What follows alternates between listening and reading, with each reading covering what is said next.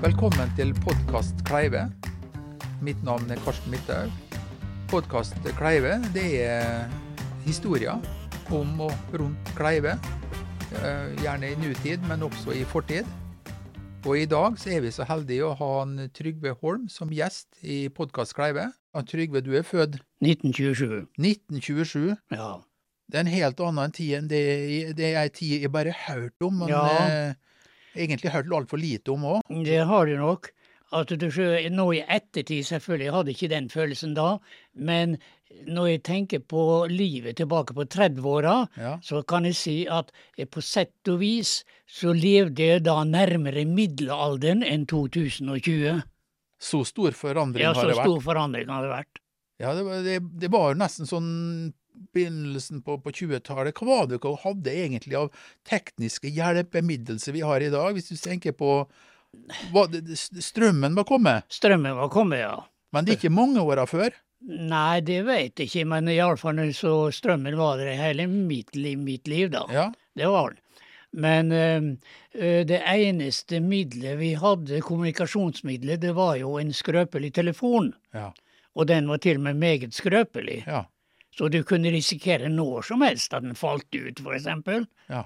Og, og så skulle du ringe et eller annet sted som måtte være riks, og da var det bare så vidt du hørte personen, for det, hovedsaken var skurring og, og buldring i, i apparatet, Ja. slik at du, du måtte av og til bare gitte det fram til hva som ble sagt. Såpass. Ja. Holm-familien. Ja.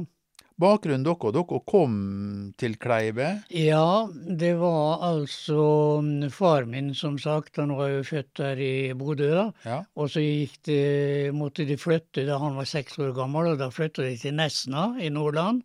For, og for der fikk eh, far hans da forpakte en stor gard. ja, Men, men, men, det ble ikke noe særlig inntekt av det, vet du. Og det hadde, da hadde han sju Ja, altså, mm, eh, mor til faren min døde da faren min var ti år gammel. ja. Og så plutselig sto der da far hans, Johan Peter Alexander Holm het han, øh, sto der alene og måtte ta seg av og, og sørge for mat og alt mulig til sju unger. Ja. Og vel, han måtte jo selvfølgelig ganske raskt ansette hushjelp, det var nå så, men det ble vanskelig med inntektene, vet du. ja. Det ble det. Så far min og hans eldre bror Christian, de bestemte seg mellom da at så snart de var konfirmert, så skulle de sjøl dra av sted og søke jobb. ja. Og det, slik ble det òg. ja. Da de var konfirmert, så søkte de straks øh, og, og f- en eller annen slags jobb både her og der. Og til slutt så ble de ansatt som, de var heldige, som assistent, assistenter i et bakeri i Molde. ja. Så dermed gikk turen fra Nesna og til Molde straks etter at de var konfirmert. Så de kom hit, og Da kom så de hit, kom de hit, ja. Og det var først her de begynte som bakere, Det var her de gikk i lære, Gikk i et år sista som bakere. Ja. Og eh, far min han ble der i tre år, slik at han ble mer eller mindre utlært baker. da. Ja. Mens broren Christian han slutta ganske raskt Mm. og dro til Vancouver i Canada. Ja. Og der slo han seg ned og ble resten av livet. ja. Det var han.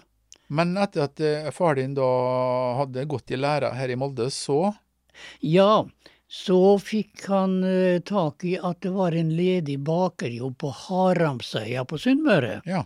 Og det syntes han hørtes spennende ut, Mm. så han søkte dit og fikk den jobben. Ja. Så da dro han til Haramsøya hos familien eh, Stornes. Ja. Og de var veldig greie og hyggelige folk, så han trivdes veldig godt der. Dessuten hadde de en, en del tjenestejenter, og det var jo også litt spennende, da.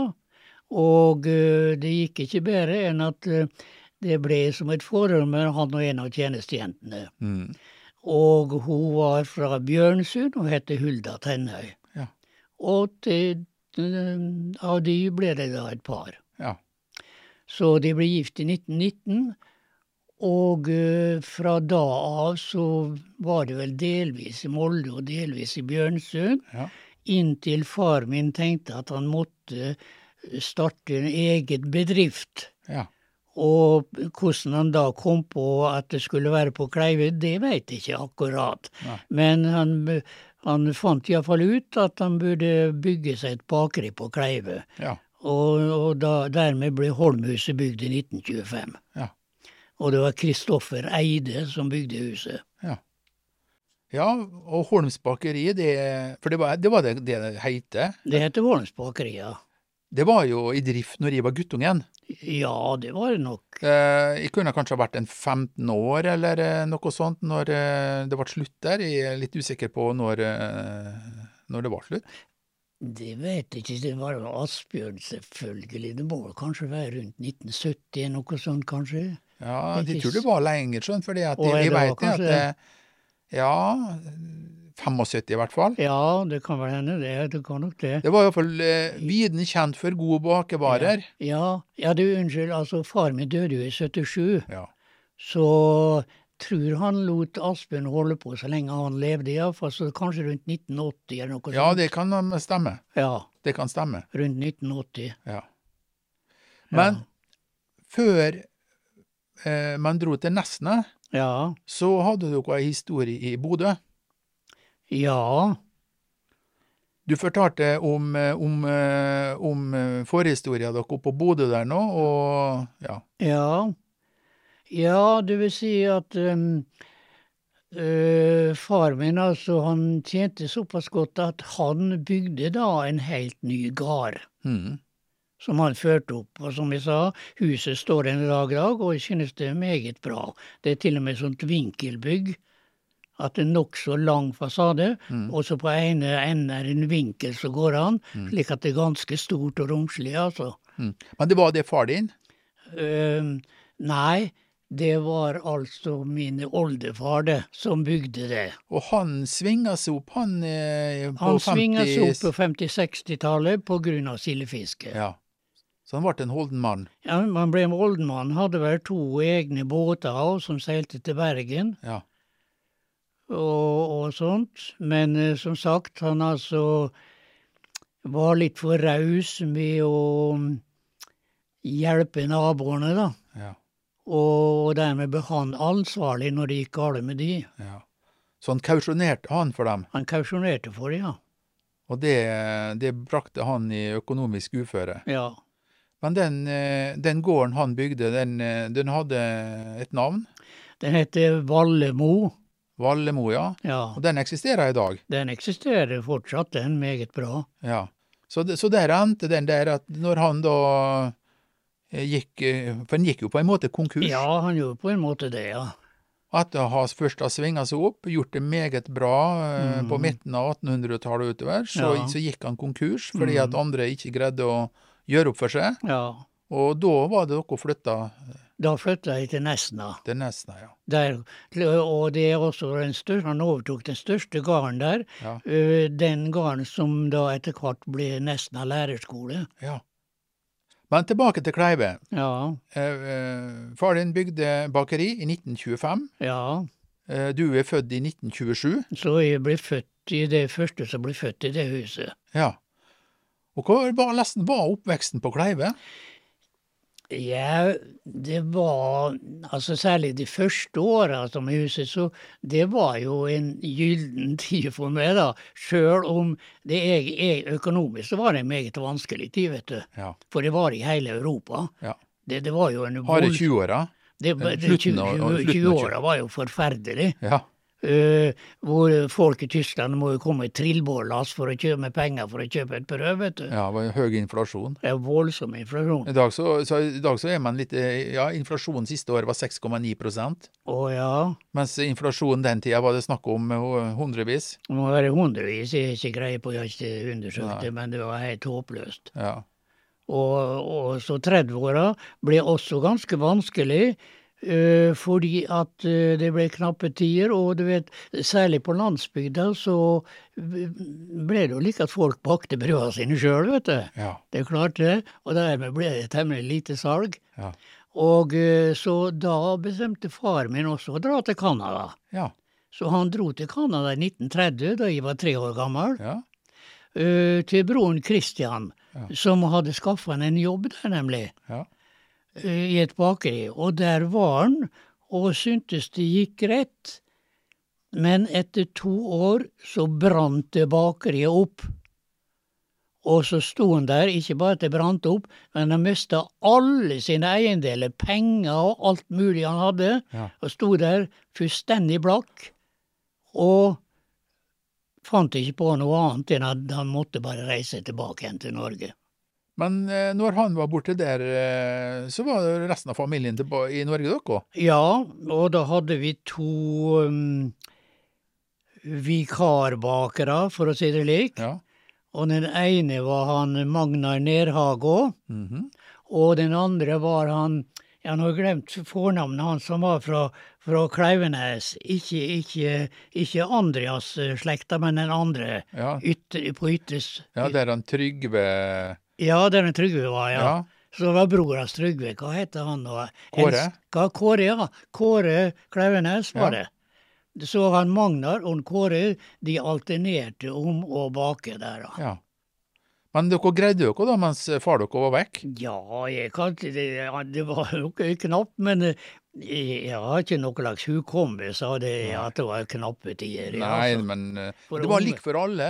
Ja, det var likt for alle. Og det da, var det. og da blir det ikke eh, lagt Nei, merke til på samme måten? Det ble ikke lagt merke til, iallfall ikke for ungene. Nei. For vi lekte nå og holdt nå på med vårt uansett, vi. vet Ja, du. ja, ja.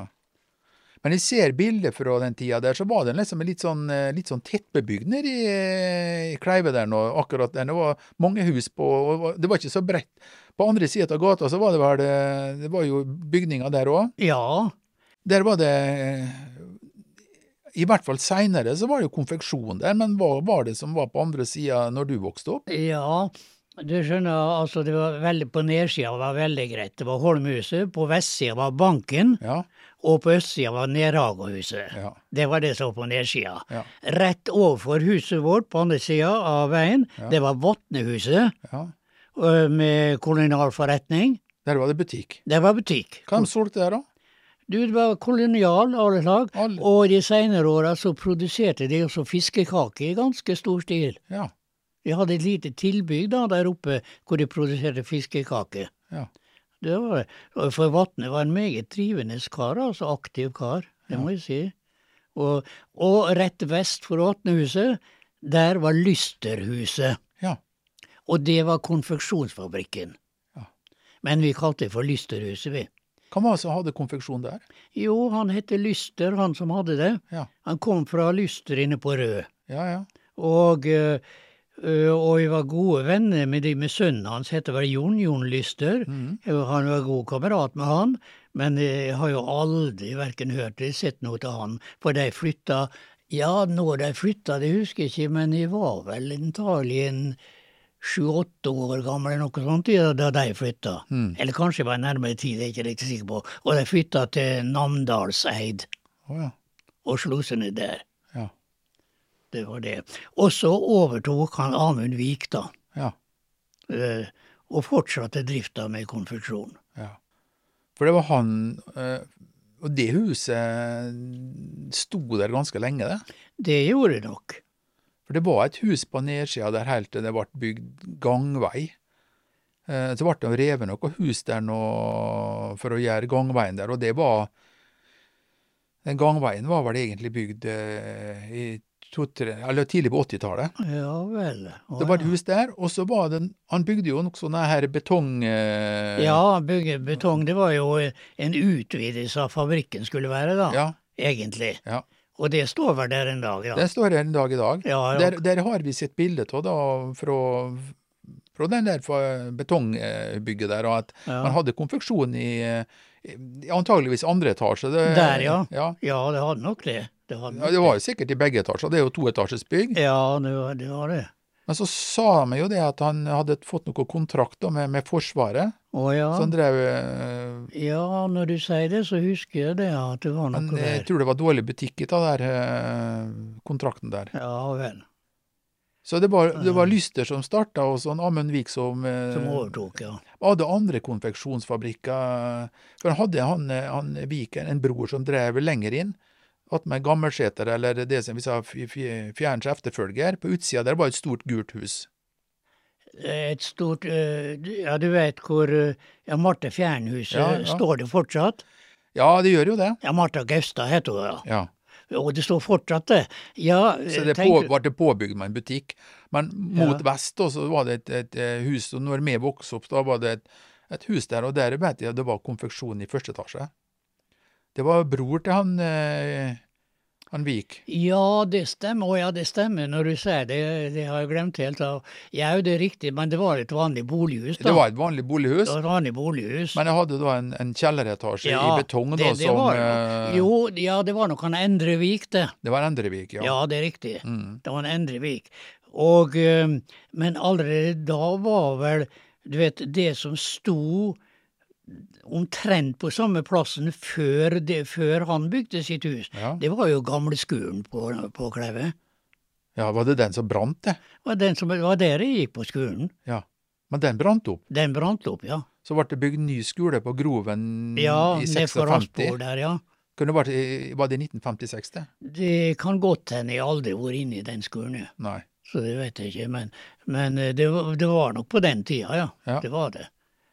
Ja. Og, men som sagt, gamleskolen, den brant opp, og der hadde ikke alle mine skoleår. Ikke der. Ja. Og det var jo Astrid Aspol fra Osa som var lærerinna i begynnerskolen. Og så var det først han Mork som var lærer litt lenger opp da i, i klassene. Og etter Mork så var det han Flemmen ja. som var lærer. Men var det skole mange dager i uka den tida der? Nei, det var bare tre dager. Tre dager? Det var det hele min skoletid. Men eh, det andre så gikk andre tre dager, da, eller var Ja, det var nok det. Det var nok det. For det var jo snakk om at det var skole på lørdag. No, var det, eller var det ikke det?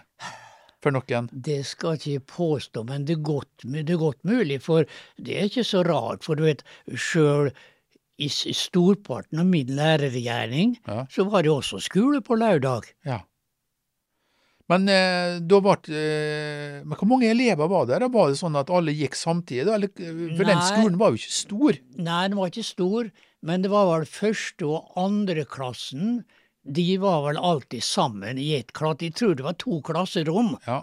Og første og andre klassen opptok da en, den ene delen av skolen, ja. og de andre klassene opptok den andre delen av Ja. skolen. Men, men jeg har inntrykk av at det var mye mer eh, ja, folk på Kleive, eller det var bra brukbart med, med folk på Kleive den tida der. Det måtte ha vært en del elever, tross alt. Det, det, var, det var faktisk det, altså. Vi synes det var, var mange, vi sjøl. For jeg vet ikke i de, i de øverste klassene så hvor mange kunne ha vært da. 15-16-17 stykker, noe sånt. Ja. Og det fikk man plass på den lille skolen. Det, det, og det var i øverklasse, og noe tilsvarende var det i småskolen òg. Ja. Så det var ganske mange. Når jeg hadde friminutt, eksempel, så syntes vi at det var fullt med folk ute på plassen vi Så da Grovenskolen kom, da, så måtte det ha vært en revolusjon. For det, det var jo ikke en liten skole, det var jo et Ja. datiden en Ja. stor og flott Ja. skole. Ja, det ble liksom Det, det var jo liksom eh, på den moderne tid, når den kom. Ja, Ja, det ble en moderne tid. ja, For vår, det var gamle, det var gamle saker. ja. ja, ja. Det måtte ha vært inspirasjon og godt der, for du valgte jo sjøl seinere, eller når du, du Ja. hadde en egen utdannelse, da, så, Ja, så ble jo, men du vet at under krigen Ja. Det var nok krigen som også gjorde sitt der for min del, ja. Ja. Fordi at um, det var vel aldri Nei, ikke i 40, men iallfall i 41. Ja. Så du vet, det heter Rauma ungdomsskole før i tida. Mm. Den skolen på Bjørset. Mm, Heter Rauma ungdomsskole. mm, Og den ble ganske snart okkupert av tyskerne. ja, Dermed måtte de evakuere, og Ja. de flytta til Nes på Kleive. ja. Og de, de, de overtok da Lysterhuset. Mm. De overtok Lysterhuset under hele krigen, så da var det ikke noen konfeksjon der. Så da var det skole der? Da var det skole der, ja. Det vil si, skole og skole, det var det mest som et internat. Akkurat det huset ble brukt til internat. Ja. Og for et, jeg har aldri vært der på undervisning, altså, det har jeg ikke. Nei. For undervisninga foregikk på bedehuset. Ja. All undervisning på bedehuset. Og da begynte først Rauma ungdomsskole. Det vanligvis det var et hardt år, det, vet du. Ja. Det var et hardt år. Ja, så ålreit, og han, han styreren her heter Peder Vagle. Han eh, var av og til inne i bakeriet, og da maste han på meg at 'du må begynne på skolen vår, du òg', sa han. Og så han fra Jæren, han, vet du. Ja, ja. Eh, ja, så tenkte jeg fikk nå gjøre det. Altså, det gikk eh, det halve året på ungdomsskolen. Ja. Og så, av krigen, så var det jo ingenting for ungdommer å ta seg til med, vet du. Nei. Ikke, du kunne ikke gjøre noen verdens ting. Nei. Så da tenkte jeg vel, vel, da får jeg bare fortsette på. Og så, da, for jeg hadde også da oppretta realskole i tillegg. Ja. To, i realskole. Ja. Så tenkte jeg søren, da må jeg bare begynne på realskolen. Og da, så gjorde jeg det. På Kleive. På Kleive, ja. Så jeg tok hele min realskole på Kleive. Men eh, det sa det at det var brukt som internat, så da kom det tilreisende fra andre plasser, da? Det kom de fra Molde, da? Nei, ja, de kom fra hele landet. Såpass, ja. Kom fra Finnmark, eksempel. Ei flott jente fra Finnmark, så for eksempel. Og på Bevaresvølån. Ja, Det, en gang så var jeg, kjøpte en gammel bil ut på, ut på, på Aukra, Ja. og han kjøpte den bilen ut av, eh, han eh, var jo besøkte dem da. Ja. Det var i 1994, og da var jo han, eh, ja, han var 70 år, og da fortalte jo hun, eh, uten at jeg reflekterte noe av det, var jo Nei, hun hadde bodd på Kleive, hun, Å ja. og, gått på skole der. Å ja. Ja, hun fortalte det. Ja vel. Men så tenkte jeg ikke noe mer på det der, da. At, så det var jo Ja, nei, men det var mange. Det var, og det var mange fra hele Romsdalen, og til og med fra Sunnmøre og Nordmøre. Så kom til Så Kleive kom til Kleive og gikk der på skole. under andre verdenskrig. Det var det, ja. Så etter andre verdenskrig, da når krigen var over, så ble det der flytta tilbake til Molde, da. Da ble det flytta tilbake, ja. Ja. Og rolig på Kleive, da, sier de eh, Ja, valgte å bruke Kleive da som, eh, som ja, det- studiested. Jo, men det var for så vidt hellig også der, for du vet at eh, under krigen så hadde jo tyskerne aldri noen slags eh, fast oppholdssted på Kleive, vet du. Nei. Eh, mange bygder hadde jo det, Ja. men på Kleive var det aldri noe fast oppholdssted av tyskerne. nei. Så det var rolig på en måte. Det var rolig i så måte, ja. Det var Men jeg, jeg ser noe, noe gamle bilder, da. For det er jo Midthuset, da, for det lå jo på utsida der, ja, dem, da. Ja, ja. Måtte nesten være nærmeste nabo det da, til, eh, til den der eh, konfeksjonsfabrikken der. Ja, det var det. Det var det. Og, og der ser vi bilder fra eh, under krigen, og da er det tyskere der og på kafeen der. For det var kaf kafé i ja, kjelleren der. Ja, riktig. Det var, du, var ikke kafé i første etasje òg da? Ja, det er meget mulig. Kanskje ved første etasje var kafé. Ja, jeg tror det. Ja. Og der, eh, der så jeg noen bilder da, som de har tatt under krigen, da, og der var det tyskere der også, på, oh, ja, som stoppa ja. på, på, Ja, på kafeen der, da. ja riktig. Ja, riktig. Ja. Nei, det jeg husker fra Midthuset, det var altså Det var kanskje nesten helt i begynnelsen da Olaf begynte å lage dørmatte. Ja. Um, for det var i kjelleren der. ja. Det var, det, det var den eh, bestefaren min, Karsten, som fant opp den dørmatta. Å, var det det? Ja. Eh, Han fikk eh, Det var en oppfinnelse. Han spant der eh, strengen der nå, Ja. og laga seg dørmatten. Det var en oppfinnelse han fikk sølvmedalje på. Oh. Den oppfinnelsen der på varemesse i Kristiansund oh. i 1935. Ja De har den medaljen. Ja vel. Uh, Ja, men det, for jeg vil tro, det må så faktisk være den spede begynnelsen på midterfabrikken, i det hele tatt. Uh, ja, er, eh, ja det, altså, det, det var jo ikke, fabrikken var jo ikke starta før i 1947, nei, for de drev mekanisk sammen med Ja. eh, Kleive Mekaniske, da. Oh, ja, eh, sammen med annet Erik Brasseth, da, Ja, fram til han begynte for seg sjøl. Ja, men det var egentlig det første Midthaug-produktet. ja det er det jeg mener, altså. Ja, ja. Og da laga de maskiner der at de sveiver denne maskiner for å lage seg dørmatten. Og da laga de tolv matter per dag. Det tror jeg nok. Men så øh, fant bestefar at han skulle ra rasjonalisere denne maskinen, så han satte på motor oh, ja. og kobling. Ja. Og da øka produksjonen fra 12 Ja. til 80 per dag. Oh, ja vel. Så jeg tror de måtte ha gjort det eh, etter datiden brukbart på disse her eh, mattene der nå, for det var populære produkt som eh, var litt, eller ble solgt over eh, et stor del av landet. Og det, det sier det, ja. Ja. ja. Så de maskinen, den har vi. Så vi kan starte opp igjen den der eh, dørmatteproduksjonen hvis det skulle knipe om, da, vet du. Ja, nei, men du skjønner, jeg var inne der et par ganger og så på dette der. Ja. Og det var mens Nora Fenne sto og dreide Ja, på ja, på dette der. Og jeg syns det var veldig spe spesielt og, og merkverdig hvor hun fikk til strengen. Jeg så hvor den kom der, vet du. Eh, og, men var det også der at de klarte å, å koble til motor, da? Altså? Ja. Den, for den maskinen som du har sett, du så nok eh, opp, den opprinnelige maskinen, da. ja, ja. Men eh, mye av den er, ble satt på en elektrisk motor. Oh, ja. Og ei kobling, så du hadde en fotpedal, så når du slo inn den, så gikk hun ganske fort, den der maskinen der. Ja, ja, ja. Så da sa de at de øka fra 12 til eh, ja. kunne, Det måtte jo være slitsomt da, å skulle stå der og sveive. det var, det var slitsomt. Ja, så jeg tror det var en revolusjon i når de fikk det var motorisert det, det var det antagelig, ja. Ja, ja. Nei, men ellers har jeg også andre, en, enda litt eldre minner fra Midthuset, da. Eh, Fordi at um, eh, Var ikke Kari hun het da? ja. Uh, jeg tror du Ja, hun heter Ja, hun heter, ja, hun heter Kari. Kari, ja. Ja. Ja, Som jeg synes var en meget trivelig person, Ja. Uh, på alle vis. Og det er jo fra henne også her, herlig språk fra Rø- Røldal, vet du. Ja. Og, det å heve Jeg har inntrykk at det må være fra henne i hele det stammer det uttrykket som brukes over hele landet i dag, nemlig 'bera meg' og 'bera meg'. For det sa hun det, det har jeg hørt utallige ganger fra henne. Ja. Og 'bera meg'. Og det uttrykket bruker de som Ja.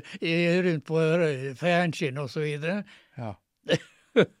Så jeg tenkte at det måtte være etter henne, for det huset jeg så godt fra henne. Eh, og ellers, men det, det som er huset også spesielt, det, de hadde altså et annet hus som jeg ikke har sett på noe bilde.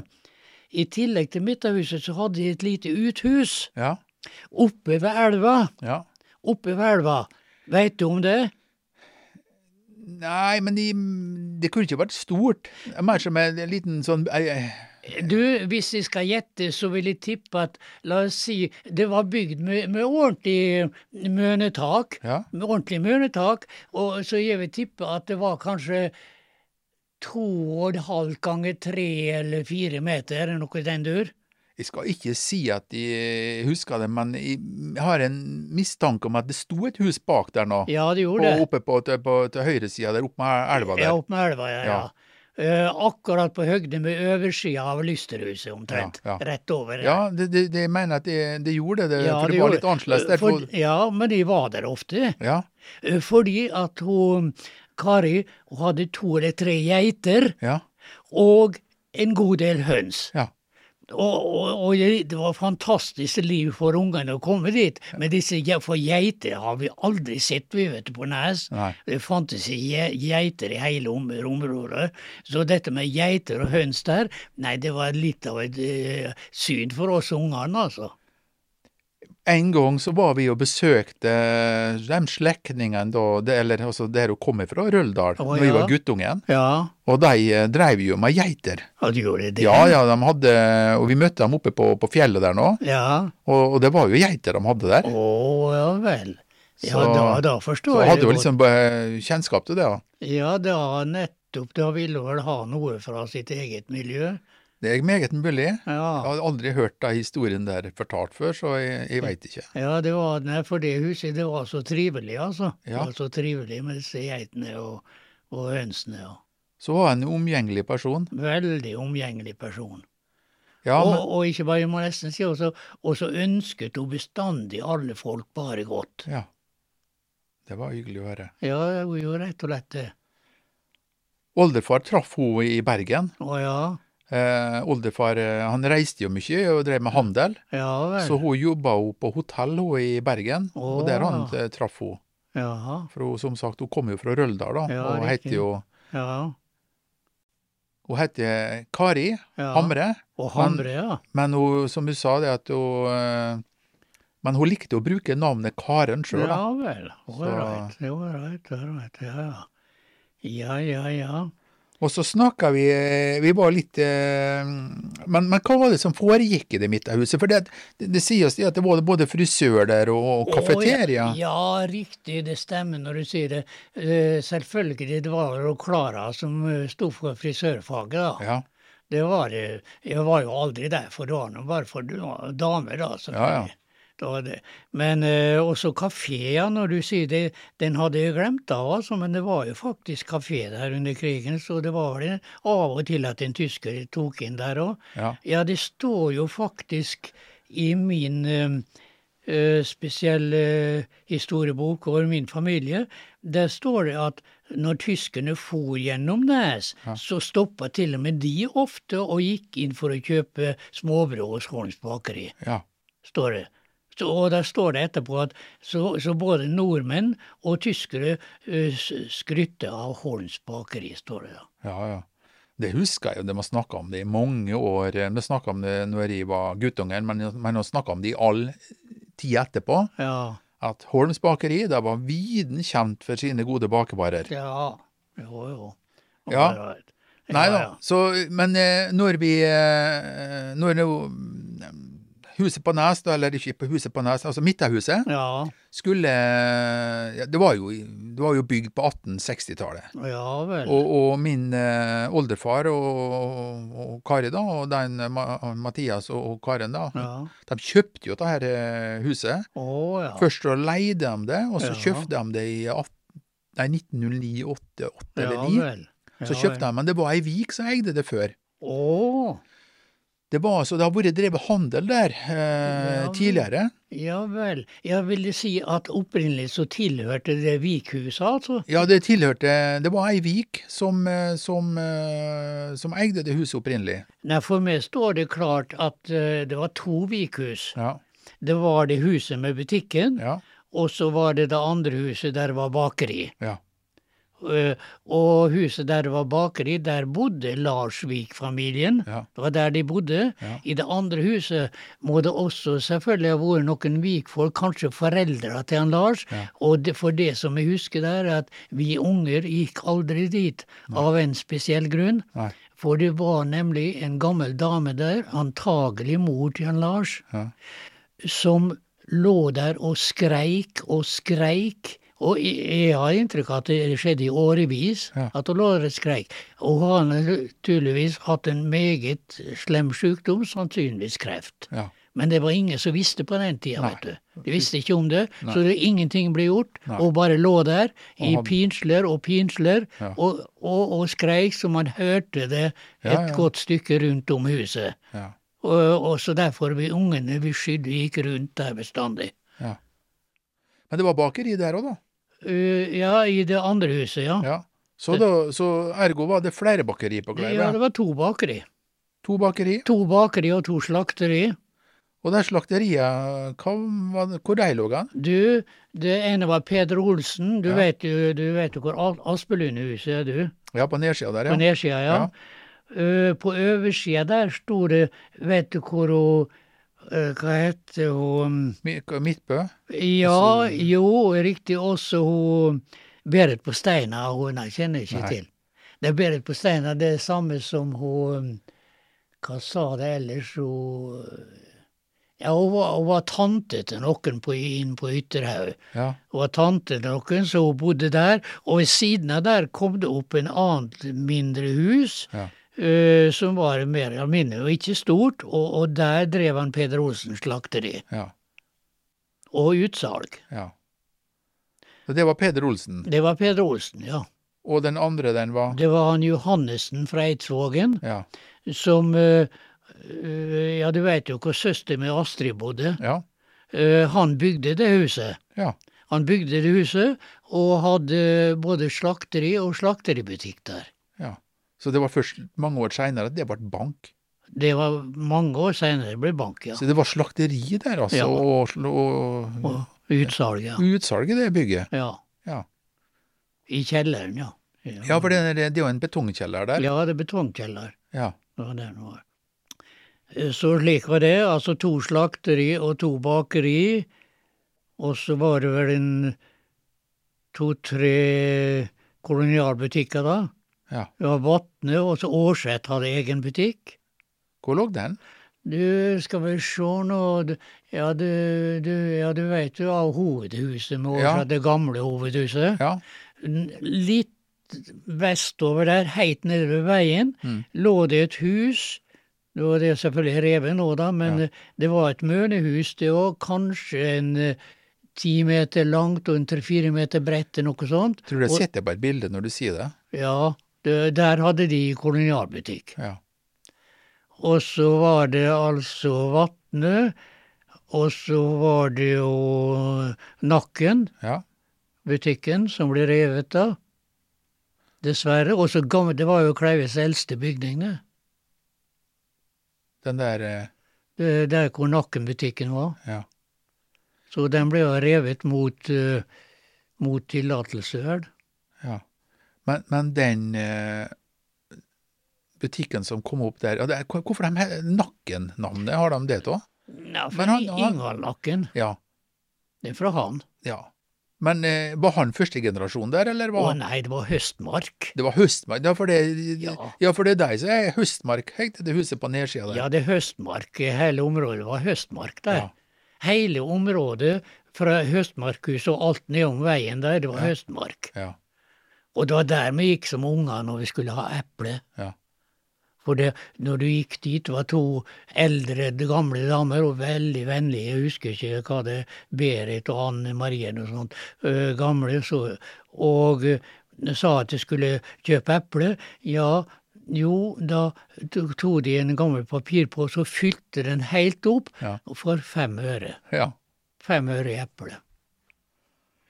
Og det var fantastiske epler som vi aldri har sett siden, nemlig gule, små sånne. Ja. Det vi kalte for søteple, bare. ja. Og de var så gode. Ja. Jeg har aldri sett de etter Nei. den tid. Så Høstmark var de som hadde husa der, Det var det, ja. og brygga òg? Brygga og alt. Hele området fra Ja, du veit jo hvor Kastanjealleen ja. er. Fra Kastanjealleen og innover til elva. Ja. Hele området ned til sjøen der, det var Høstmarkeiendom. Og det overtok altså en Ingvald Nakken. Når måtte han kunne ha overtatt det? Ja, si det, når var det, da? Det må det spørs om det har vært akkurat på den tida straks før krigen, kanskje. Men den tønnefabrikken som var nede på, på Nakkenkaia, som vi Ja, sa, ja var det Nakken som drev den, eller det var var, Nakken, det var Nakken som drev. var han som starta den?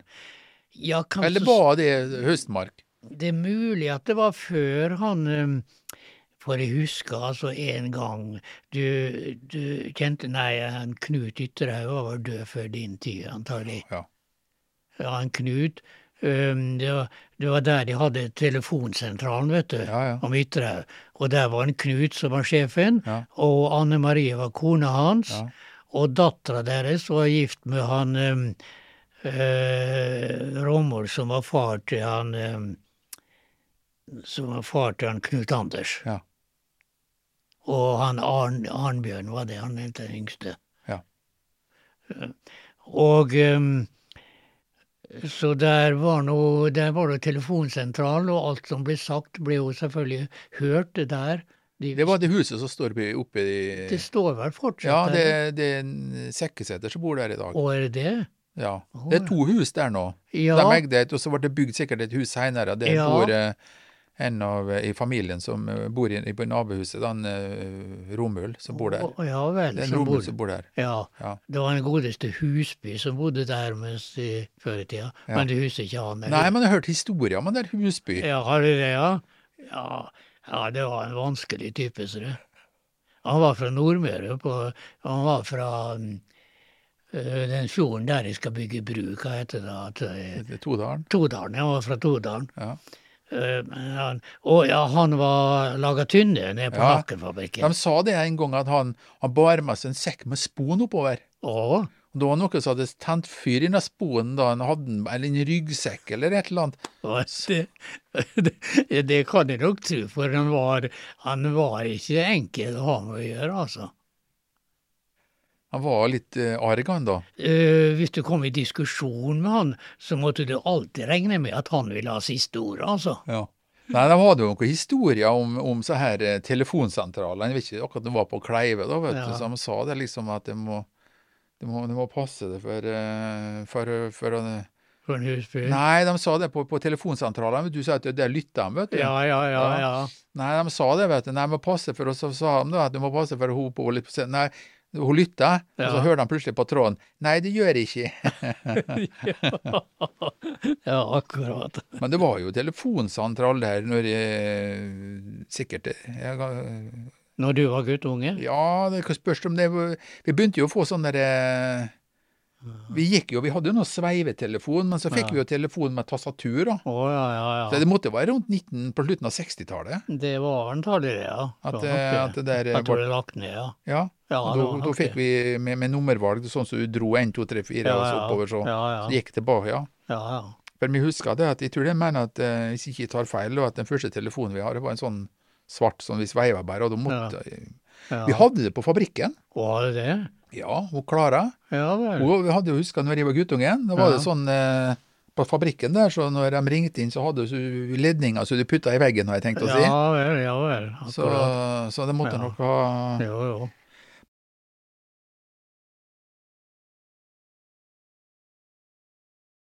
Ja, å ja, der ja. Ja, det ble brukt litt av hvert. Altså, det ble brukt faktisk eh, I noen år så var det en bitte liten kafé der. Mm. Det var det. Og um, så ble det vel leid ut til forskjellige folk, og blant annet så ble det leid ut til en uh, kar som, uh, som kom rekende, for å si det slik da. Jeg vet ikke, kom fra Vestlandet et eller annet sted. Ja. Og ehm, ja, han måtte jo få et sted å bo, ja, så ble det vel til at han fikk eh, leie det rommet, da. Ja. Og ehm, så måtte han gjøre noe. Jo, om han da fant på det sjøl, vet jeg ikke. Kanskje han hadde litt grann, eh, kunnskap i forveien. Men han, eh, han eh, slo seg ned der for å bli paraplyreparatør. Paraplyer. Han skulle rep reparere paraplyer, og da hadde han skrevet en stor plakat som han hengte opp og skrevet på 'Paraplyer pepres', skrev han da utenpå. Og det skulle bety paraplyer repareres. Hvor gikk den businessen der? Nei, det var det. Varte jo ikke lenge, for det var ikke mange paraplyer han fikk å ta- ta hånd om, tror jeg. Nei. Men eh, i alle fall så hadde han stor tro på det sjøl til å begynne med, da. Ja, ja. Det har den. Livet nede på, på Nakkenbrygga, da, og, Ja. og egentlig Årsatsbrygga, Ja. var det i drift når, eh, under din oppvekst? Å oh, ja, bevares, det var i drift. Uh, Årsetbrygga, det er snart gjort for mine si, for der var jeg inne bare én gang, altså. Så det, for der hadde ikke noen spesiell tilknytning, for å si det slik. Nei, Så det vet jeg nesten ingenting om. Bare at jeg hørte at det var aldri strengt der, da. det var strengt, Det det. var strengt der, det var det. Og um, der var det også en liten en, en konspeksjonsfabrikk en stund, ser det. Ja. En del, og det, det var også en Endre og kona hans som hadde, noen år iallfall, hadde en viss uh, liten fabrikkavdeling der. ja. Og, eh, men jeg kjenner best altså Nakkenbrygga. Og eh, der var jo tynnefabrikasjon i andre etasje, da. ja.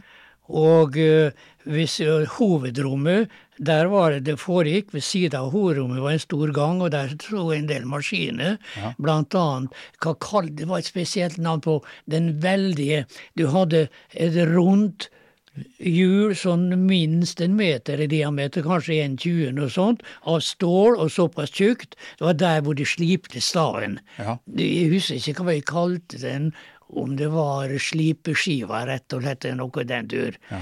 Og når den gikk, det, den var voldsom. Du, altså, jeg tenkte av og til hvis den ble sluppet løs og hadde fora av sted, den har gått tvers gjennom heil, alle vegger i bygget, altså. Det var fenomenal fart og kraft på den, og der sto gjerne han Fridtjof og, og slipte, slipte stavene, da. ja. Det var ikke mer som en høvel. Ja, du var, ja, høvel var det i virkeligheten, ja. Ja, for jeg, jeg, har, Ja. si- jeg har sittet der eh, Det sto jo der i min barndom noe utstyr der oppe. Ja, Jeg tror det kanskje er om noen maskiner der nå, skal ikke ha sagt det sikkert. Nei, Men det sitter sånt hjul. Det var mer sånn høvel, så de høvla av Ja, Ja. høvla eller slipa. Jeg ja er de, de slipa vel Staven skal ha en viss uh, kant. Ja, Sånt, og det var det som ble slipt på den maskina der. Ja, ja. Det var det. Og, men det var voldsomt, så jeg passa meg vel for å komme ned den maskina, altså. Ja. For den syntes var nifs. Ja. Men og så var jeg inne, var jeg av og til inne der de laga tynnen, da. Og jeg sa det var det til Svein også, at jeg tror knapt det finnes folk i dag som arbeider i det tempoet som de gjorde, altså. Ja. For det var akkord, vet du. Ja. Var akkord, så ikke var det omgjør for de å lage mye, men også ble det en viss konkurranse mellom hvem er best til oss til å lage. Ja, ja. Det ble det også underforstått. Ja. Og det var et voldsomt tempo, og jeg ser det for meg. altså. Det, der måtte ikke omgangene komme og gå i veien, altså. For, for det ble ikke, ble ikke tålt. Nei, det var nok eh, Det var ikke sånn som det er i dag. Det var litt var helse, miljø og sikkerhet. Når vi snakka om det her i store hjulet, så gikk det ikke det var helt ufarlig heller. Det var ikke ufarlig. Du skulle ikke bare sove på post der, altså. Nei, du Kan verden. og- det var ingen som hadde lagt beskyttelse, vet du. Nei. Så kom du Nei, du måtte passe deg sjøl. Jeg måtte passe deg sjøl på alt, altså, den tida der. Ja. Det- Jeg satt jo og leste Jeg fikk tak i denne, jeg fikk denne Kortgård-boka. Ja, Det var skrevet en bok om Kortgård og Kortgård-fabrikker. ja vel. Eh, og da, der står det om det her med, med båtfart da, i Fanefjorden. Å ja. Fordi at eh, veien rundt eh, Osen, som vi sier da, Ja ja.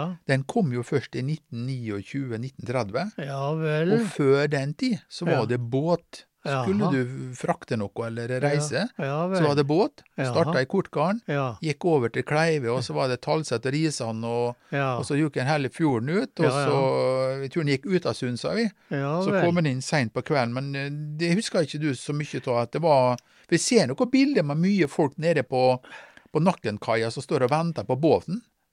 Og det er sånn kjemmerbåt. Du, jeg husker bare én gang at rutebåten kom til Kleive. For Ja. det, var, det var- rutebåt, vet du. det- Ordentlig rutebåt. Ja. Og det husker jeg bare én gang. Og den la til ikke på Nakkenkaia, men på Aksdalkaia. Ja. Der la han til. Ja. Det var, det var faktisk den eh, offentlige kaia på Kleive i min spede barndom. Ja. Uh, mens Nakkenkaia var med privatkai. Ja. Og, eh, men jeg husker ikke mer enn den ene gangen at båten skulle komme. Altså det, og så eh, det det var det var gjerne Kristengård ute på Talset som spilte en nokså stor rolle i transport i Fannefjorden. Ja. Kristengård som egentlig kom fra Bu, da. Mm. Eh, For det var liksom respektert og, og sett på som eh, dugelige drivere av kysttrafikk. ja. Og for jeg husker han Ole Groven hadde også en egen båt. Ja. Og det var en voldsom båt. da.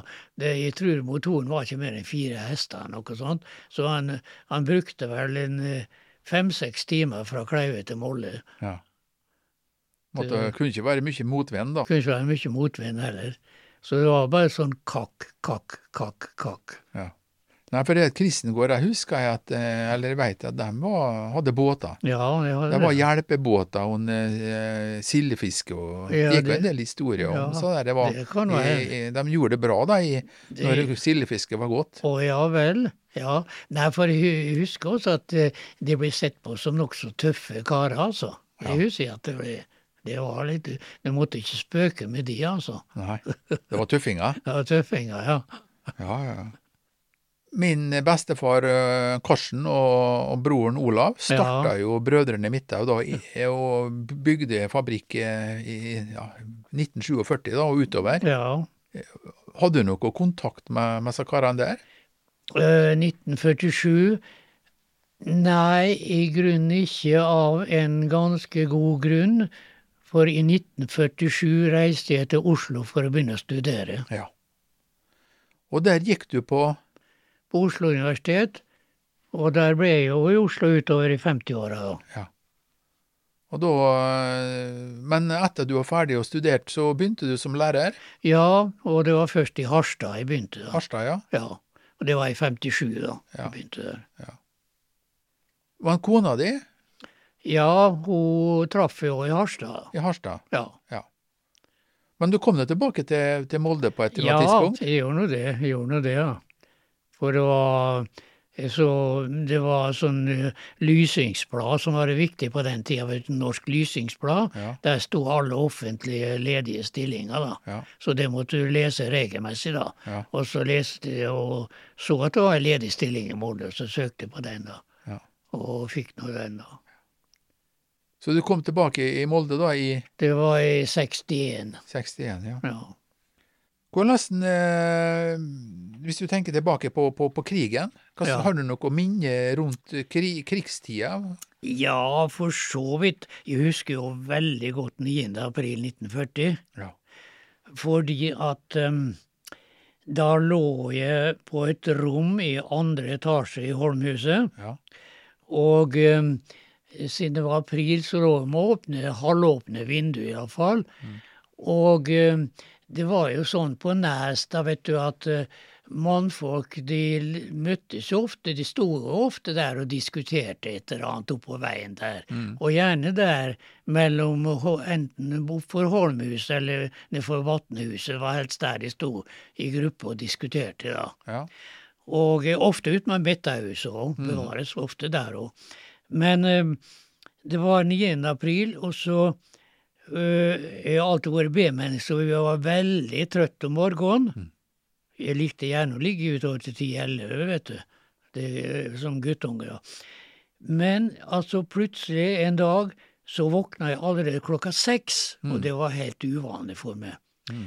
Og jeg våkna fordi at jeg hørte at det var så forferdelig til mannfolkprat oppå veien. Mm. Det var ikke noe nytt, det, men akkurat dette der var spesielt. For det første spesielt at det var allerede klokka seks om morgenen. Mm. Og så var det det at samtlige var så høyrøsta. Mm. Vanligvis var det én eller to som høyrøsta, andre mest spake. Men her var samtlige var høyrøsta og snakka i munnen på hverandre. Så jeg lurte på hva i verden kan ta være. Det kan ikke være brann heller, for da hadde de jo sprunget sin vei. Eh, men de sto der. Og straks etterpå så kom mor mi inn på rommet der jeg lå, og så spurte jeg hva er det for noe, sa jeg. Ja, nå er det krig, sa hun. Mm. Og da forstod, og da hoppa jeg selvfølgelig ut av senga med en gang. Ja. Og eh, så gikk jo dagen da, og slik begynte det for meg, altså. Mm. Og, og eh, etter hvert så ble det jo litt eh, krigssaker på, på Kleive òg. Du vet at eh, en del eh, skip kom inn i Fannefjorden og ankra opp der, Mm. for å slippe unna tyskerne, naturligvis. Mm. Slik at det kunne vel ligge en tre store, så store båter hadde aldri vært inne i Fannefjorden før. Nei. Og de ankra opp rett bort for, omtrent rett bort for Nakken og Årsetebryggene der. Ja. Der ankra de opp. Ja. Ca. 300 meter fra land, kanskje. Og em, så var det en dag, da lå det bare ett av disse skipa igjen der. Men plutselig så kom det noe fly innover fjorden. Og vi var jo mistenkelige fordi at det kom nokså lavt. Vanligvis gikk flyene nokså høyt. Det kom nokså lavt, så vi var oppe på veien men vi sprang ned for huset for å se hva dette flyet øh, var for noe. Ja, så straks jeg var kommet nedfor huset, så så jeg at flyet gikk ned sånn mot skipet. Mm. Og plutselig forsyne meg, så slapp det bomme Ja. mot skipet. Ja. Og det, jeg så faktisk at bommen kom, men ingen, de, de slapp vel ikke mer tre eller fire bommer, kanskje. Ja. Men ingen av bommene traff skipet. Alle gikk i sjøen, og det så jeg altså hvor de gikk i sjøen. Og så for flyet sin vei, og det varte ikke lenge etterpå før båten hevet anker og gikk ut fjorden. Ja. Men det som da var den store salighet, at fjorden lå full av fisk. Fisk som flaut i overflata, altså. ja, for de, Hele- de eksploderte, den bommen. De eksploderte. Så var store vannsøyler der, da. Stor, som buldra opp vannet, vet du. Ja. Buldra opp sånn. Så hele bygda fikk gratis middager i massevis, altså. De gikk ned i fjøra og samla fisk. Ja. Husker jeg veldig godt, det gjorde vi òg. Ja. Alle sammen. Det var nå den saken. Og så Og så var det det at um, Det var litt seinere, da. Da ble det meldt Plutselig ble det satt ut et rykte om at nå kommer det spioner hit. Ja vel. Ja. Hva de skulle gjøre der, da? Nei, det var det ikke. Det var plutselig Det var en beskjed, og det, det var ikke bare rykte, det, det var alvorlig. De som sa det, var veldig alvorlig. Mm. At det kommer noen spioner som kommer kjørende veien, altså. Mm. Fra Åndalsnes. Ja. Og um, alle sammen var spent. Og de tenker det, det, Alle disse nordmenn tenkte for en gangs skyld så skulle de gå til krig, de òg. Ja. Så alle de som hadde børse, gikk hjem og henta børsene sine. Ja. Og så gikk de akkurat på krysset der Osveien begynner, vet du, der huset Ja, ja. Astrid sto. ja. Og der la de seg ned med passende avstand. Den ene etter den andre la seg ferdig med, geværet ladd, Ja. og lå og sikta omtrent innover til der det gamle ungdomshuset sto, du Ja, vet det. ja. De, for der måtte de komme fram. Og enkelte av dem var tydelig innstilt på at så snart de dukka opp, så skulle de trykke av. Det skulle skytes. De skulle skytes med en gang. Eh, For da var spioner. Ja. Vel, og så omsider så kom det jo noen folk da. De kom ikke i bil, men de kom på, to som kom på motorsykkel. Ja. Heldigvis så var det jo fornuftige folk der, da, slik at, det, det at de hindra skyting. Men eh, de ble selvfølgelig, disse karene ble stoppa og forhørt. Og du hørte på det lenge og vel, men jeg måtte jo til slutt også få lensmannen fra Molde innover vet du, for å sjekke opp at det virkelig hvem disse personene var. Ja. Ja, og til slutt så fikk vi vite at det var bare to vanlige folk fra Averøya. og, og de fikk kjøre videre. Ja. Og så ble det ikke mer snakk om det. Men antagelig så hadde det vært temmelig samtidig med gulltransporten. Ja. Det er det som var saken. Ja. Det er derfor det kom opp, fordi at vi hørte aldri noe om gulltransporten, vi, Nei. vet du. Så den passerte ut Den passerte jo gjennom nesten. Ja. Men det hørte vi aldri noe om, for det skulle da være ytterste hemmelighet òg. Men det var jo en del biler. Det var, en- det var, så vidt jeg veit, så var det en 5-26 biler i alt. Det og Men, voldsomt. Men heldigvis, de kjørte ikke i kolonne. Det ville vært en stor tabbe. Ja. Så det var god avstand mellom de. Ja. Kanskje to kilometer, andre fire-fem kilometer. Slik at det var ingen regularitet. Slik at folk skulle ikke oppdage at det var noen sammenheng. Nei. Og, men av og til så stoppa nå disse bilene, for det var tydelig tungt lasta, Ja, så det var de. Ja. Og folk spurte hva er det kjære kjører med, da? Ja, så sa eh, sjåføren nei, det er noe krigslast, sa de. Ja, det ble uten mer godtatt, det, for det var jo rimelig det, vet du, at Ja. det skulle eh, transporteres krigsutstyr til norske soldater osv. Så, videre. så alle godtok jo det uten videre, det ble ikke noe mer spørsmål om det. Nei. Så vi fikk aldri vite det, at det var gulltransport. Nei. Så den Men- passerte ubemerka, den, altså Ubemerka. på, den, på hva egentlig lasten var. Ja, vi visste ikke hva lasten var, nei. Nei. Men uh, han Asbjørn Nakken uh, sa jo, jeg vet ikke om han også hadde større uh, aning, fordi at dette var den verste tida på året for biler å kjøre pga. tilreisninga, vet du. Ja. Slik at det var, det var ikke båt, på. de, de, de, de, ble jo stående fast, vet du. Og det skjedde om, omtrent der inne hvor Du veit hvor hytta til gamle Kleivefolk er Ja, ja. der? Ja. Omtrent der var det helt uframkommelig en stund, at bilen ble stående fast. Slik at Asbjørn Nakken ble rett og slett sendt bu på at han måtte komme ned med et par hester, og det gjorde han. Han kom ned med et par hester fra gården, og for å Det måtte kanskje være faras, da. Egentlig. Ja, han Asbjørn Nakken på den tida, han var 15 år. Ja. Men jeg, jeg hørte jeg hørte noe om den historien der, men jeg, jeg tror det må være at, at han Ja, var med på det, at det var faren Ja, da, som det var, var- det var- faren som ja, var Ja, det var nok. At han var nede der og Ja, det var nok Asbjørn var vel sikkert med han òg, for han var så rart 15 år. Sånn, Ja, ja. Var, ja. Men, eh, men det var nok faren som sto for det, ja. Det var det nok. Ja. Og måtte få disse bilene løs, da. Ja. Det var det. Nei, det var, vel, det var vel litt sånn Ja. uframkommelig til Ja, det var det. Men ellers, under, i løpet av krigen ellers, så, så merker vi nesten ikke noe til Tyskland. For som sagt, de, av og til så kjørte de gjennom bygda, det gjorde de. Eh, Men det var jo ingen som var stasjonert der. Det eneste var en gang at de kom med ganske stor gruppe med fem-seks fullasta biler og sånn. Og da rekvirerte de bedehuset Ja. for å overnatte der. Ja. Og det gjorde de. Om det var ett eller to døgn, det husker jeg ikke akkurat.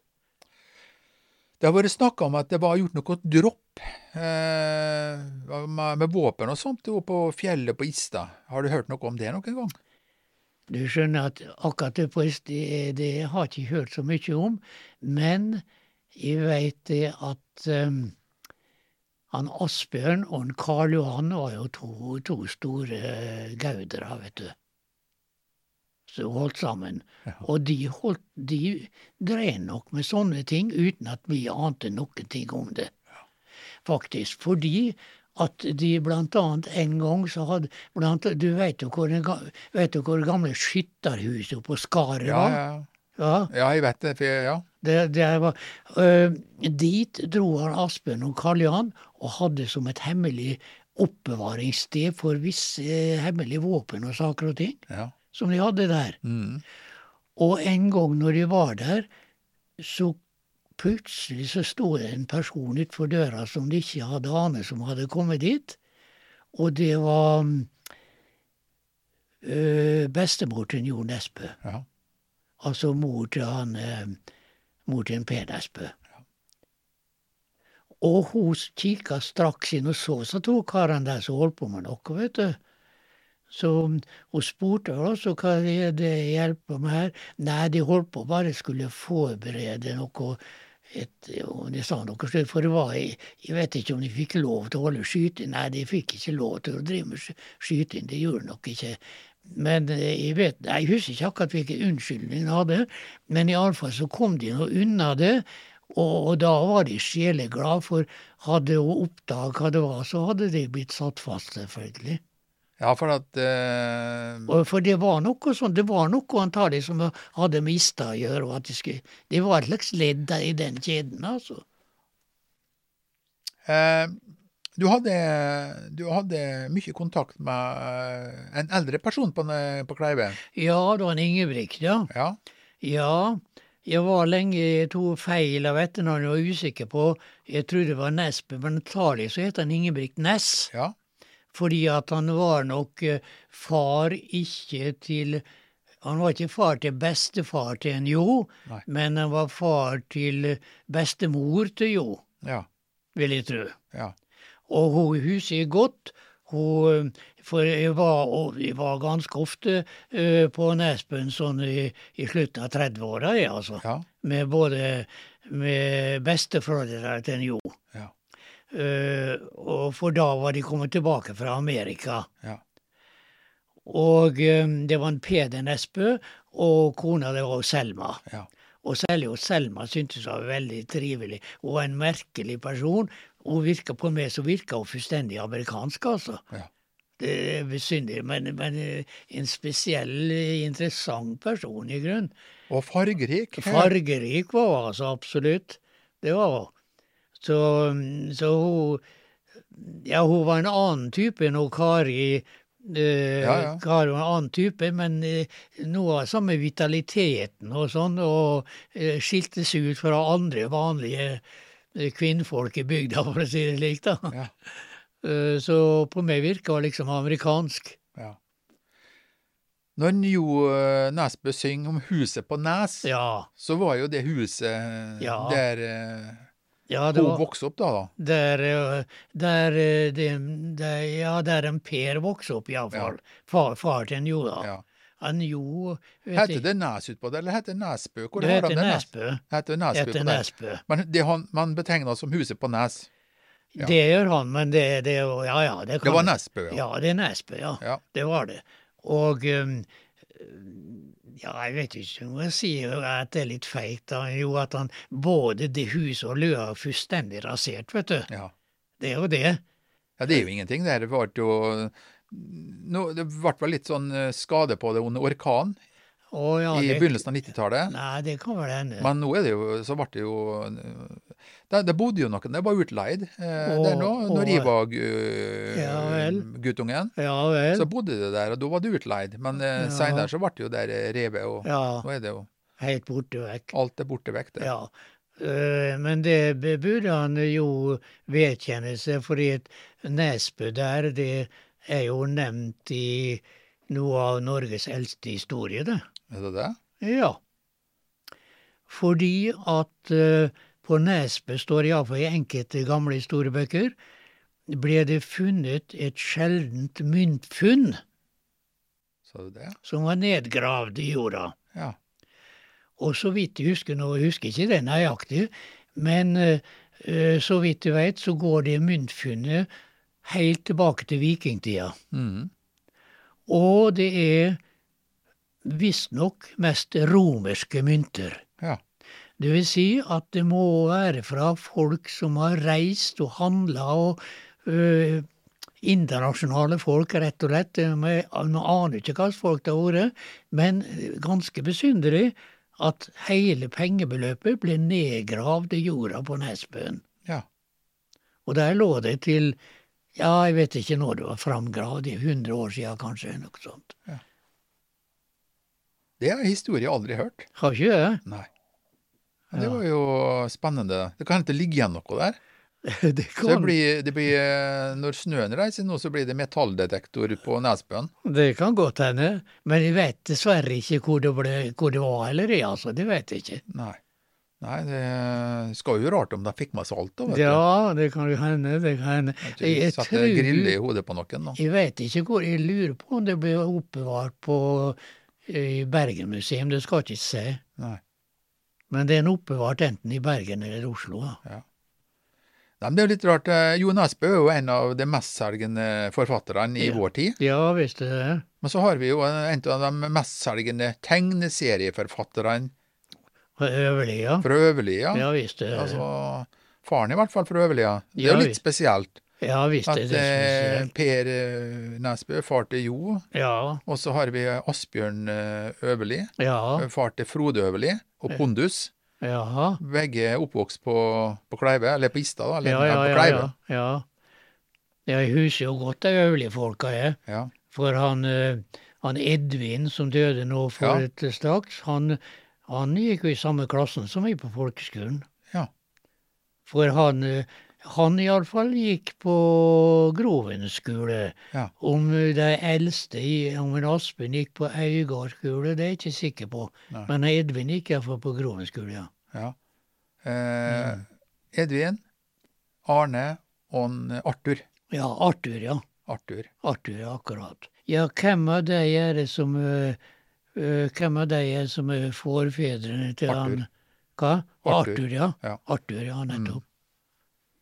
Akkurat. Edvin jobba jo Han var jo murer, men han begynte jo hos Brødrene Midthaug tidlig på 60-tallet. Og gjorde han det? Så han var sveiser hos Brødrene Midthaug til han ble pensjonist. Og var han det? Og så bygde han seg hus da rett eh, øst for fabrikken. Og gjorde han det, ja? Ja, ja. Så det hadde hatt han som nabo. Og se det. Ja, eh, Edvin var Og han var, han var en dyktig sveiser. Og han var sveiser av den tiden der at det var Man eh, jobba effektivt. Ja, det tror jeg nok. Det Så tror det, nok. det husker jeg godt, Ja, altså. det tror jeg Han, nok. eh, Ja, når han sto og skulle sveise sammen med andre, så, så var han raskere. at det var det, at det var det, ja. Ja, det var ja.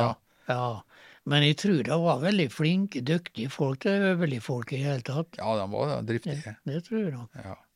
Så har vi eh, to brødre Altså, det var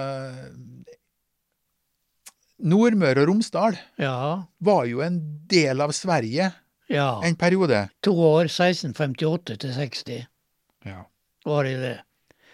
Og eh, Nei, det var slik, da, vet du, at på den tida var også Sverige ei så på seg sjøl iallfall som en stormakt, Ja.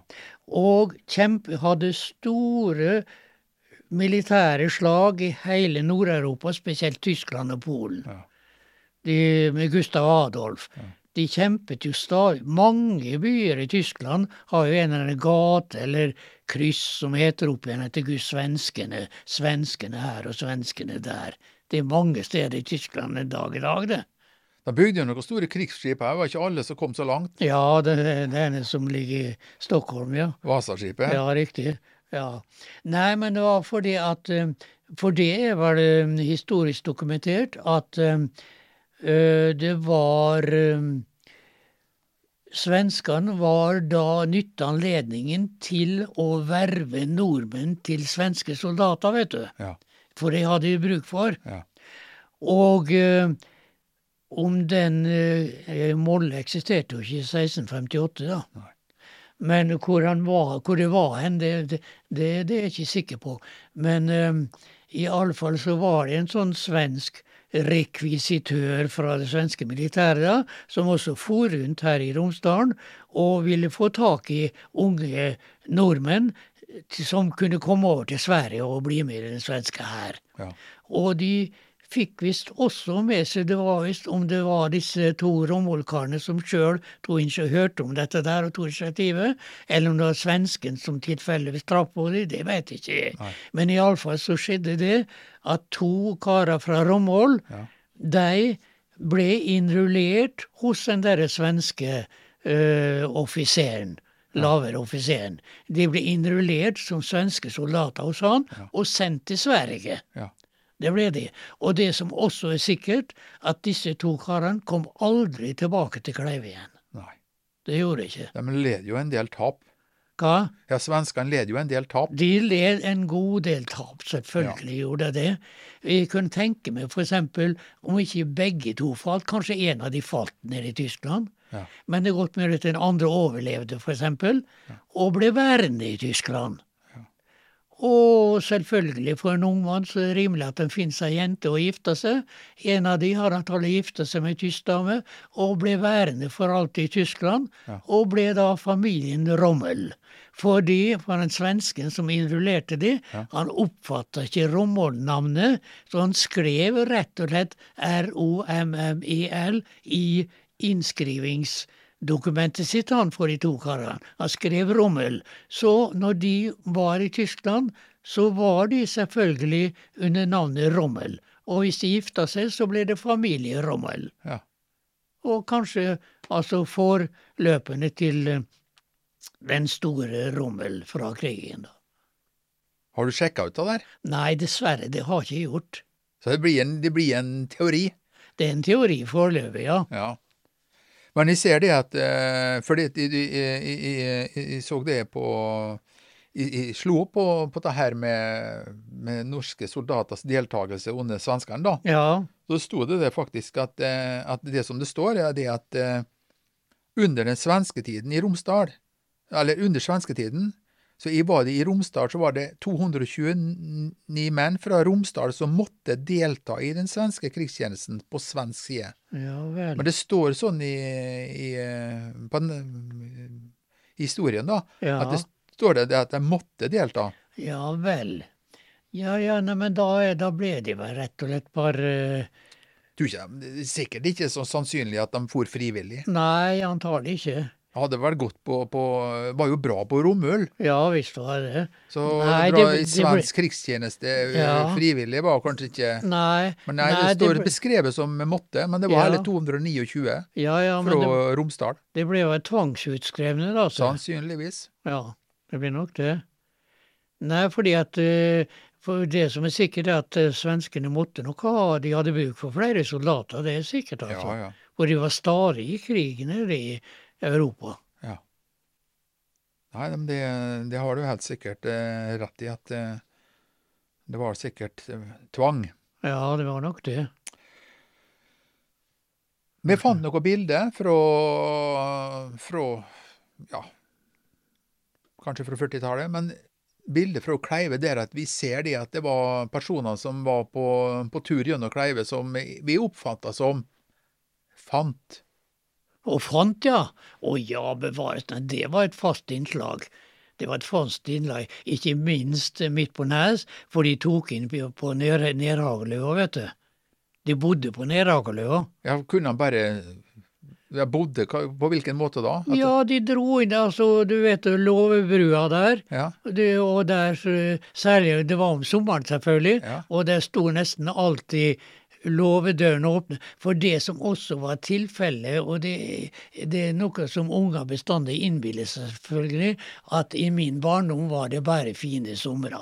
Ja. Det er jo vanlig for unger å si da. ja, man husker bare det. Man husker bare det som var fint. vet du. Ja, ja. Men- Og det samme inntrykket har jeg fra 30-åra, Ja. at det var bare, det var bare vare, varme somre. Men nå har nå også visstnok Meteorologisk institutt øh, konstatert at i 30-åra så var det mange svært varme somre. Ja. Det har vi konstatert. Og det, og det kan jeg skrive under på.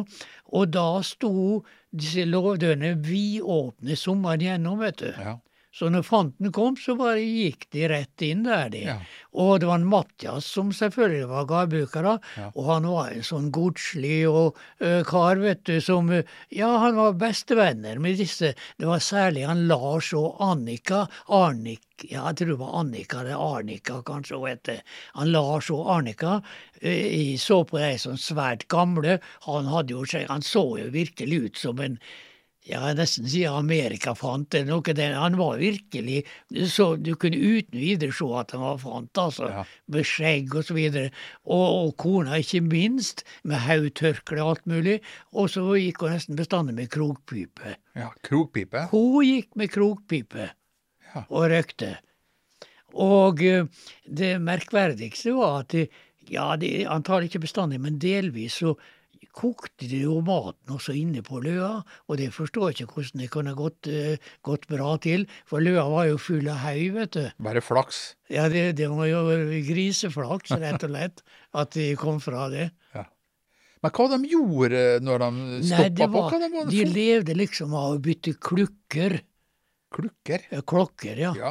Ja, de hadde med seg all slags klokkeskrap, vet du, som de sa at se her, det, dette, dette er den beste klokka mi. De, de fikk henne akkurat til å gå mens de sto der og fikla, men så snart hun var sært, så stopp, stoppa hun nok sikkert. Og slik holdt de på, Ja. og lurte av andre folk bra klokker, da. Ja. For det var alltid skal jeg bytte godklukka mi mot filleklokka di. Det var det faste omkvedet. ja. Og ofte ble det bytta. Folk lot seg lure, selvfølgelig. ja. Så det var liksom Men var det andre ting de gjorde? Jo, Kunne de- jobbe eller selge andre ting? De laga nok sånne forskjellige hus, eh, la oss si visper og Ja. sånne ting, Ja. som husmødrene kunne bruke. Ja. Det laga de, altså. Ja. Og det, det fikk de selge, da. Så Men vet du noe om hvor de holdt igjen på vinterstid, da? du, de sa jo bestandig at de kom fra Ringebu. Fra Ringebu, ja. De sa at det var der de hørte hjemme. Ja. Det var Ringebu. Om det var tilfellet, jeg vet ikke, men, Nei. men det sa de nå iallfall. Ja. Så når, eh, når det ble eh, bart etter veien og sommer, da Da dro de av sted, Ja, fra bygd til bygd. Ja. ja. Ja, så fikk de jo alt. gra- Fikk jo, all bolig var jo gratis, og, og de fikk jo mye av maten og vet du, de gjorde det. Og, ja. så, så de levde jo svært rimelig. Men kan det opp, opphaver opprinnelig, hva slags folk var det egentlig? Nei, altså, jeg hadde inntrykk av at dette der, de, de der var iallfall virkelig fant, men øh, skal man tro det, så er det jo Heter det ikke Rome, romer eh, noe i den døra? Ja. Om eh, folk Romani, som, som Romani, ja, som egentlig kommer fra Øst-Europa, da, Ja, opprinnelig. Mm. Og derigjennom uh, visstnok også heit opprinnelig fra India. Mm. Uh, skal nok liksom den historiske bakgrunnen være, da. ja for de Men- er jo mørke håra? De var ganske mørke, ja, det var de. Det, vi, vi trodde jo det at de var blitt mørka i huda pga. all røyken de satt i bestandig. Det var liksom en teori, da. Ja. Men eh, de var nok egentlig mørke i huda, ja. Opprinnelig. Ja. Så mm, så eh, for min del hadde jeg en følelse at de, de, de måtte være utenlandsk fra opprinnelig. Den, Mm. den følelsen hadde jeg, altså. Mm. Jeg, jeg så ikke på de som egentlig norske, nei. Men de ble på en måte godt behandla på Kleive, da. Det, det, det var nok av Mathias og det i Nedhag. og det var Så han, han eh, behandla det her eh, han behandla det veldig både med respekt og med vennlighet. Ja. Det gjorde han. For det går jo historie om eh, andre plasser i Norge der det ikke var sånn særlig vennlighet når de kom. Det var, det var vel kanskje de mange plasser, det, altså. Ja, jeg syns jeg leste det en gang eh, Ja. en plass, det at det var- et kommunestyre en plass, annen plass i landet. Ja. Skulle ha avstemning om de skulle skyte dem når de kom. Oi, oi, Det oi. var, det var et flertall for at det ikke var skyting, da. Ohoi, du verden. Det var Så, voldsomt. Ja vel. så Nei, for de fikk jo også rykte på seg for å stjele både hist og pist, da, vet du. Det var en historie, for at eh, vi, vi la ut en sånn liten her eh, podkast her tidligere, da. Ja. Og det var den som hadde kommentert da, at uh, hun, hun Martha Fjern, da, Ja. når det kom fant til bygda, da hun hadde butikk ja. Hun heter kanskje ikke Martha Nei, hun heter Gaustad. Gaustad, ja. Ja. At når det kom fant til bygda, så tok hun kassa, Ja, ja. pengene, Ja. og, og sprang ut bakdøra. Oh, ja, det, var redd for at han skulle stjele dem. ja, det kan være den Nei, Martha var nok veldig Martha var nok den typen som var litt redd sånn, ja, det tror jeg nok. Ja. Det tror jeg nok. Nei, men de hadde jo et alminnelig ry på seg, for at du måtte aldri Du kunne aldri stole på disse folk, altså. Det, det kunne du ikke gjøre. Nei. Det måtte du aldri gjøre. Nei. Så Ja, men det er godt å høre det, at, eh, at eh, de ble eh, godt behandla, da. det, det ble de der, ja. Absolutt. Ja, ja. Ja. Ja, og det er et, et annet sted som jeg ikke har nevnt, men som også var for meg iallfall, som var et fast tilholdssted, ikke fast, men et populært tilholdssted, det var nettopp i Smia. Ja. Og den er jo borte vekk. Mm. Og du, hun var borte før de tida, kanskje? ja, ja, det er helt sikkert. Ja vel, akkurat. Nei, hun sto, skal vi sjå, du kan tenke deg akkurat østenden av Neragoløa. Ja. Østenden, Ja. rett opp der, Ja. og på oversida av veien der, der sto smia. Ja. Og hun var som ei smie, hun var i den størrelsen. Og skal vi se, kanskje hun var så stor som dette rommet her til sammen. Mm. Ikke så brei, ikke så brei, men omtrent som dette rommet her. Mm. Og der var det smeden var, og smidde ordentlige greier, altså. Ja. Og det syntes jeg var flott å få stå der og så på. Og ja, for det var altså spesielt godt forhold mellom smeden og meg. Han, han, altså når han skulle sta og dra garn, eksempel, Ja. så ville han ofte ha med meg Ja. til det, altså. Ja. Så, så jeg hadde et veldig godt forhold til smeden, Mm. og var der med han Noen han- når han smidde da, både det ene og det andre. Han var liksom hjulpet på Man hadde, man hadde var ikke avhengig av andre eh, utenfra. Den tida der man hadde det meste på Kleive. Ja, faktisk hadde det. Og, og egentlig Og så var det enkelt det- var jo et veldig sentralt sted. Altså, egentlig var Nes i Kleive var sentrum for hele området som strekker seg fra Skjevika og Øverbygda Mm.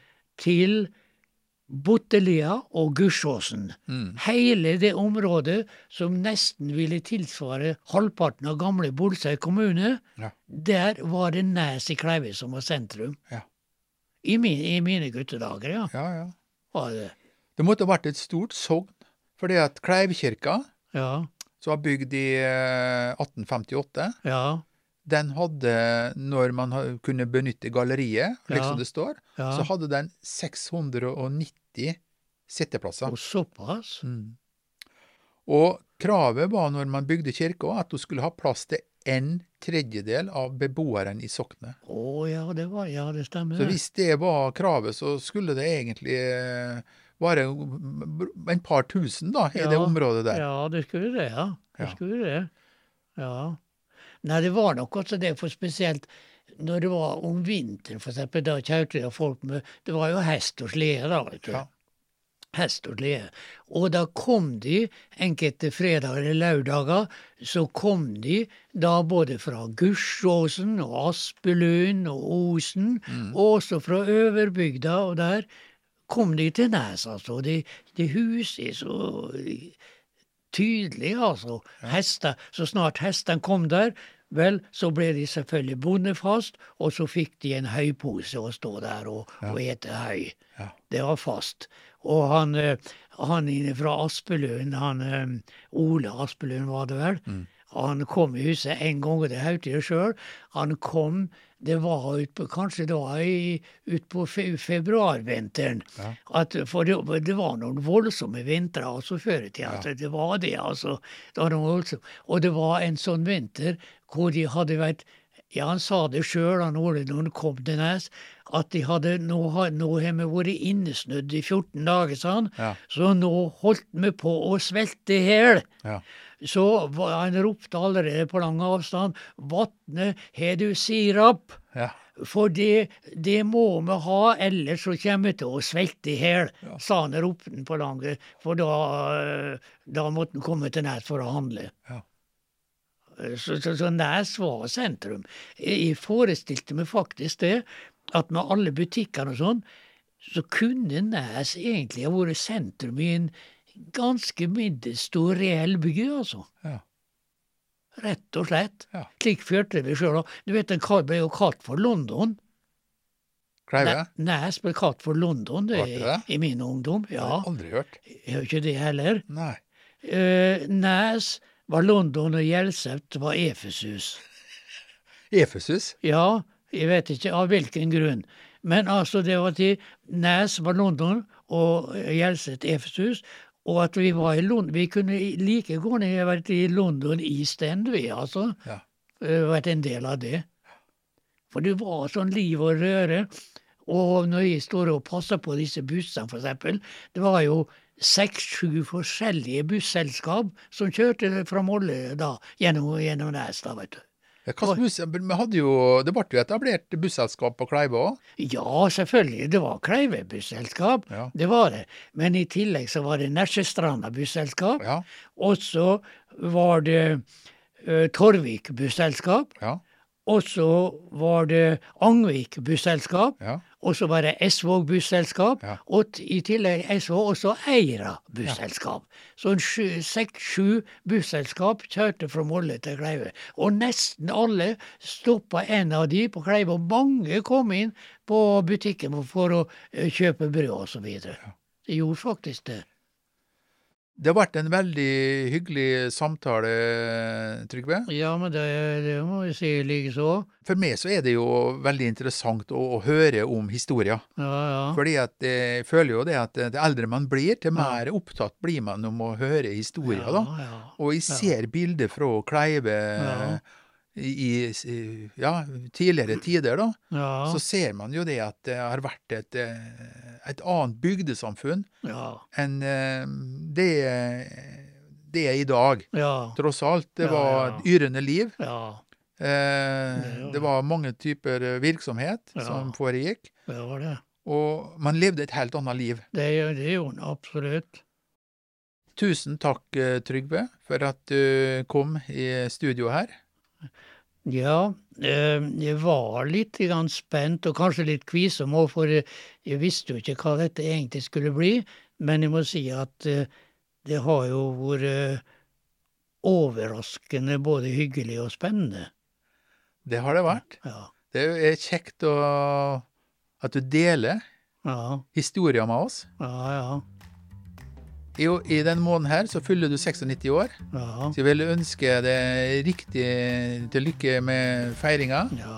Og takk for en hyggelig samtale. Ja, ja likeså. Det er akkurat samme jeg føler her.